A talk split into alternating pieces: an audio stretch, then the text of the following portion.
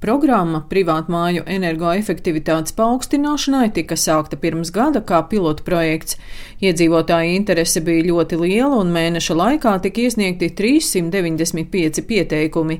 Ne visi atbilda programmas nosacījumiem, bet šobrīd 38 privātmāju īpašnieki naudu jau saņēmuši, 66 projekti turpinās dažādās īstenošanas stadijās, stāsta ekonomikas ministrijas enerģētikas finanšu instrumentu nodaļas vadītāja vietniece pētniece Iveta Muceniece. Paaugstinot ēkas energoefektivitāti bija šis te grants 5000 apmērā un tehniskā palīdzība 1000 eiro, un ja pati privāta persona vēlās, tad viņi varēja arī uzstādīt šos te saules paneļus. Atbalsta programmai kopējais pieejamais atbalsts bija 2,3 miljoni. Šogad, eh, saprotot to, ka arī jā, energoresursu cenas eh, strauji aug un uh, ir ārkārtīgi liels šīs cenu svārstības, arī tika pieņemts lēmums šiem saules paneļiem piešķirt atsevišķu atbalstu nevis kompleksi kopā ar ēkas atjaunošanu. Līdz ar to tika rasts papildus finansējums 3,27 miljonu apmērā. Līdz ar to atbalsts paredzēts divām pozīcijām - vai nu ēkas energoefektivitātes paaugstināšanai, vai saules paneļu vai nelielu vēja ģeneratoru uzstādīšanai. 27. aprīlī privātmāju īpašnieki varēs iesniegt savus pieteikumus jaunajai energoefektivitātes programmai. Altuma energoefektivitātes programmu departamenta vadītāja Ieva Vērzemniece stāsta, ka jau šobrīd interese par programmu ir ļoti liela, tāpēc atgādina, lai tiktu pie finansējuma, jāatbilst vairākiem nosacījumiem pirms pieteikuma iesniegšanas privātmāja īpašniekam vajadzētu pārliecināties, ka privātmāja ir nodota eksploatācijā, ka privātmājā netiek veikta saimnieciskā darbība, ka zemes grāmatā tam pieteicējam ir nostiprināts īpašuma tiesības uz šo māju un ka māja arī atbilst viena vai divu dzīvokļu mājas klasei sistēmā kadastrs.lv.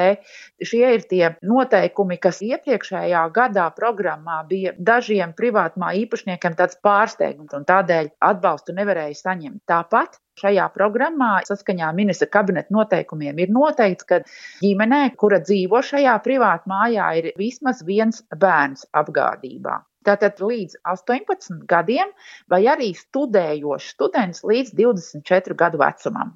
Rīgas Tehniskās Universitātes vides aizsardzības un siltuma sistēmu institūta vadošais pētnieks Dzintars Jaunzems vērtē, vispirms privātmāju īpašniekiem jāparūpējas par ēkas energoefektivitāti, tikai pēc tam var domāt par saules paneļiem vai nelieliem vēja ģeneratoriem. Saprast vispār, kas notiek ar ēku, tad, tad kur mēs tērējam siltumenerģiju, jā, un cik daudz, vai mana māja ir pietiekoši labu siltumnoturību vai nav. Primārais ir samazināt patēriņu, un pēc tam skatāmies tehnoloģiju virzienā, kā šo patēriņu nosegt. Tad mēs šeit runājam par mazas jaudas, tad, tad vertikālas asas, visticamāk, vēja turbīnām. Un šobrīd tāds potenciāls virziens, bet eh, joprojām tas piedāvājums tirgu nav tik liels. Tas tirgus eh, tikai lēnām attīstās. Tās izmaksas ir pietiekoši augstas salīdzinot ar jau diezgan tādā plašā mērogā izmantotiem šiem saules paneļu risinājumiem. Un eh, ja saules gadījumā mums ir izteikti sezonalitāte, jau arī diennakts izmaiņas, bet vējš praktiski var pūst arī, arī tad, kad saules nav, ja un ir nakts un tā tālāk. Tā kā tehnoloģija šī ir arī ar potenciālu, un es domāju, ka viņa attīstīsies. Ekonomikas ministrijas enerģētikas finanšu instrumenta nodaļas vadītāja vietniece Iveta Muciniece stāsta, ka nākamgad privātmāju energoefektivitātes atbalsta programmu plānots turpināt jau plašākā apmērā. Ja mazs finansējuma apmērs, tad mēs šo programmu veidojam kaut kādai konkrētai sabiedrības grupai, kurai tas finansējums būtu visvairāk nepieciešams un kura visvairāk cieš no šīs energoresursu cenu kāpuma, jo tās ģimenes ar bērniem ir tās, kurām tomēr šie izdevumi ir lielāki paredzami. Arī 2023. gadā tiek plānota šāda atbalsta programma privātpersonām. Finansējuma avots būtu Eiropas Savienības struktūra fondi un um, plānotais finansējuma apmērs ir virs 40 miljoniem. Un nebūtu arī līdz ar to šāds te ierobežojums par bērniem, un, un tad jau būtu tas pieejams tāpat arī viena dzīvokļa dzīvojamām mājām, divu dzīvokļu dzīvojamām mājām, ko mēs uzskatām par privātu mājām, būtu pieejams arī visām privātpersonām. Altum gatavojas rīkot arī webināru par privātu māju energoefektivitātes programmu. Sīkāku informāciju meklējiet Altuma mājaslapā.